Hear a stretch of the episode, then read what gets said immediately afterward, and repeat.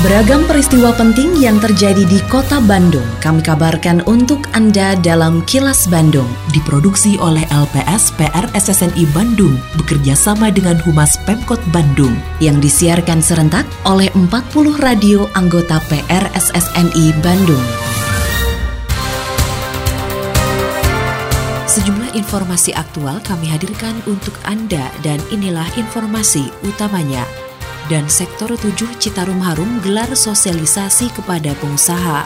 Program pemeliharaan ayam dan cabai bakal diperluas di tahun ini. Nilai lebih maju, DPRD Kota Bandung banyak terima kunjungan kerja. Saya, Santika Sari Sumantri, inilah kilas Bandung selengkapnya. Sebanyak 26 pemilik pabrik di kawasan Dayakolot, Kabupaten Bandung mengikuti sosialisasi yang digelar oleh Sektor 7 Citarum Harum. Komandan Sektor 7 Citarum Harum, Kolonel Kavaleri Purwadi mengatakan, sosialisasi dilakukan agar para pengusaha mengetahui sejumlah peraturan pemerintah terkait pengelolaan limbah juga program Citarum Harum. Sosialisasi yang disampaikan terkait dengan peraturan Menteri tentang transportasi pengangkutan limbah juga uji coba pengolahan limbah. Purwadi berharap dengan adanya sosialisasi tersebut tidak ada lagi pabrik yang sengaja membuang limbahnya langsung ke sungai. Sosialisasi dan koordinasi tentang pertama peraturan Menteri nomor 4 tahun 2020 tentang persyaratan transporter yang mengangkut limbah. Kedua tentang uji coba pengolahan limbah dengan sistem koagulasi elektromagnet yang besok akan disaksikan oleh Bapak Bupati. Yang ketiga tentang prosedur pengangkutan limbah dari pabrik sampai dengan pemanfaatan. Wali Kota Bandung Oded Muhammad Daniel memborong ayam dan tanaman cabai hasil peliharaan para siswa sekolah dasar SD dan sekolah menengah pertama SMP dalam kegiatan Chicken Fair yang berlangsung di alun-alun ujung berung Kota Bandung pada Senin kemarin. Oded mengungkapkan rasa bahagianya karena program chickenisasi dinilai berhasil, terutama pada tujuan mengurangi ketergantungan anak terhadap gawai. Menurutnya pemeliharaan ayam dan cabai ini telah tepat sasaran sebagai bagian dari pola pembelajaran aktif kolaboratif integratif atau AKI menuju Bandung Masagi. Ya, Alhamdulillah saya melihat bahwa pertumbuhan ayam yang dikelola diurus ya budaya anak SD ini SD SMP ini ternyata uh, pertumbuhan sangat baik sekali. Ada yang sampai di atas rata-rata dari satu kilo. Bahkan sampai dua kilo tadi kelihatan ya besar sekali ya. Nah saya berharap mudah-mudahan keberhasilan anak-anak kita mengelola mengurus anak ayam ini tujuan dari aki bagi ini mudah-mudahan ini berhasil saya kira ya. Terkait dengan berita sebelumnya Program pemberian anak ayam kepada siswa sekolah di Kota Bandung akan ditambah pada tahun 2020 ini. Kepala Dinas Pangan dan Pertanian Kota Bandung Gingin Ginanjar mengatakan adanya penambahan tersebut karena melihat program cikenisasi yang pertama kali digelar tahun 2019 menunjukkan perkembangan positif. Gingin mengatakan jumlah kecamatan dan sekolah yang terlibat dalam program cikenisasi tahun ini juga akan bertambah. Apalagi saat ini hampir semua sekolah siap menerima program cikenisasi. Untuk itu pihaknya menyiapkan 10.000 ekor anakan ayam yang rencananya dibagikan secara bertahap pada April atau Mei mendatang. Saat program cikenisasi dimulai November 2019, sebanyak 1.000 ekor anak ayam dibagikan kepada siswa di 12 sekolah di dua kecamatan kota Bandung. Kalau dari sisi ayam kita merencanakan 2020 ini sekitar 10.000 yang akan kita siapkan 10.000. Tapi itu pun hanya dari budidaya sendiri. Jadi kita akan merencanakan untuk memproduksi telur dan ayam sendiri. Ini kan menunggu perkembangan ayamnya ya karena kita mengembangkan dari indukan ayam yang ada. Kita perkirakan April Mei lah kita sudah bisa mudah-mudahan. Ya walaupun mungkin bertahap. Pemerintah Kota Bandung kembali mengingatkan masyarakat untuk tetap waspada terkait semakin meluasnya wabah virus corona atau COVID-19.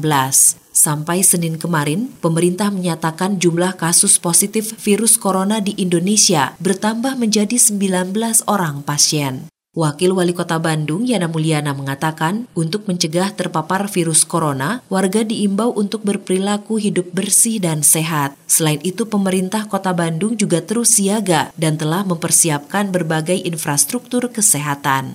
Ya, yang pasti kita minta masyarakat tetap waspada dan kita dari pemerintah kota juga tetap melakukan kesiapan lah ya. Bukan berarti kita berharap, tapi memang kita siaga juga menyiapkan berbagai infrastruktur kesehatan. Jadi ya, tapi tetap kuncinya adalah perilaku warga masyarakat ya, jaga kebersihan dan jaga kesehatan. Assalamualaikum warahmatullahi wabarakatuh. Badan Kesehatan Dunia WHO pada tanggal 30 Januari 2020 telah mengumumkan kedaruratan kesehatan masyarakat dengan diumumkannya inspeksi virus corona dan telah diumumkannya dua warga negara Indonesia yang terkonfirmasi terinfeksi COVID-19. Pemerintah Kota Bandung melakukan upaya-upaya untuk melindungi seluruh warga Kota Bandung. Saat ini kami sudah berupaya seoptimal mungkin, namun masyarakat juga tentu perlu meningkatkan kewaspadaan yang sewajarnya. Tidak perlu takut dan cemas yang berlebihan. Kami menyadari bahwa kita semua ingin melindungi diri dan keluarga kita dari kemungkinan terkena infeksi COVID-19. Saya yakin apabila kita tetap bersikap tenang, bekerja sama, berikhtiar, dan berdoa, maka insya Allah kita akan bisa mengatasi semua tantangan ini. Terima kasih. Mohon dari Wali Kota Bandung. DPRD Kota Bandung banyak mendapatkan kunjungan kerja dari sesama anggota DPRD, juga sekretariat dewan, termasuk pemerintahan serta masyarakat dari kota dan kabupaten lain di Indonesia. Bahkan Ketua DPRD Kota Bandung, Teddy Rusmawan menyebutkan, dalam setahun lalu ada sekitar 6.000 kunjungan ke DPRD Kota Bandung. Kepala Bagian Penganggaran dan Pengawasan pada Sekretariat DPRD Kota Bandung, Aep Indra Gunadi mengatakan, tingginya tingkat kunjungan kerja ini karena DPRD Kota Bandung dinilai lebih maju dibanding DPRD kota dan kabupaten lain. Menurut AEP, jadwal kunjungan kerja DPRD sudah diatur dalam alat kelengkapan Dewan atau AKD yang meliputi hak kunjungan kerja dan konsultasi untuk komisi, badan, dan pimpinan DPRD. Memiliki kewenangan atau hak untuk melakukan kunjungan kerja setahun itu empat kali, konsultasinya sepuluh. Jadi memang volume untuk kunjungan kerja pasti akan banyak karena memang sudah di, ada di ketentuannya ada perwanya komisi itu empat kunjungan kerjanya konsultasinya sepuluh. Meskipun pada dasarnya sepuluh konsultasi ini tidak akan habis sampai sepuluh. Kenapa? Karena waktu satu tahun itu tidak mungkin terkejar. Kini audio podcast siaran Kilas Bandung dan berbagai informasi menarik lainnya bisa Anda akses di laman kilasbandungnews.com.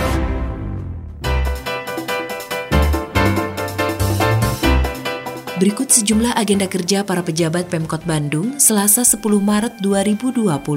Wali Kota Oded M. Daniel menghadiri penandatanganan komitmen penyelenggaraan Mall Pelayanan Publik di kantor Kemenpan RB di Jakarta. Sementara itu Wakil Wali Kota Yana Mulyana memberikan sambutan pada acara inventarisasi produk makanan anggota UP2K PKK Kota Bandung. Sedangkan Sekretaris Daerah Emma Sumarna memimpin rapat teknis perkembangan pembangunan infrastruktur pengelolaan sampah menjadi energi listrik. Adapun Bandung menjawab di ruang media Balai Kota Bandung menghadirkan narasumber dari Dinas Kebudayaan dan Kepariwisataan Kota Bandung serta Dinas Perpustakaan dan Kearsipan Kota Bandung. Selain agenda kerja para pejabat Pemkot Bandung, informasi dari Humas Kota Bandung, yaitu Wakil Wali Kota Bandung Yana Mulyana, meminta para pengusaha muda terus meningkatkan investasinya. Investasi tidak hanya sekedar peningkatan modal, tapi juga turut melahirkan pengusaha muda baru saat menghadiri musyawarah daerah Himpunan Pengusaha Muda Indonesia HIPMI Jabar di Karawang, Yana mengatakan Pemkot Bandung akan mendukung generasi muda dalam melakukan pelatihan dan pendampingan dalam segala aspek ilmu manajemen bisnis dan kewirausahaan, termasuk mempersiapkan bisnis di era digitalisasi, khususnya bagi para generasi pengusaha muda di kota Bandung.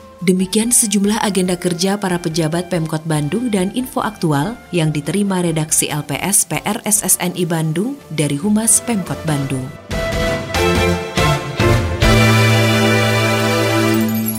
Terima kasih Anda telah menyimak Kilas Bandung bekerja sama dengan Humas Pemerintah Kota Bandung yang diproduksi oleh LPSPR SSNI Bandung.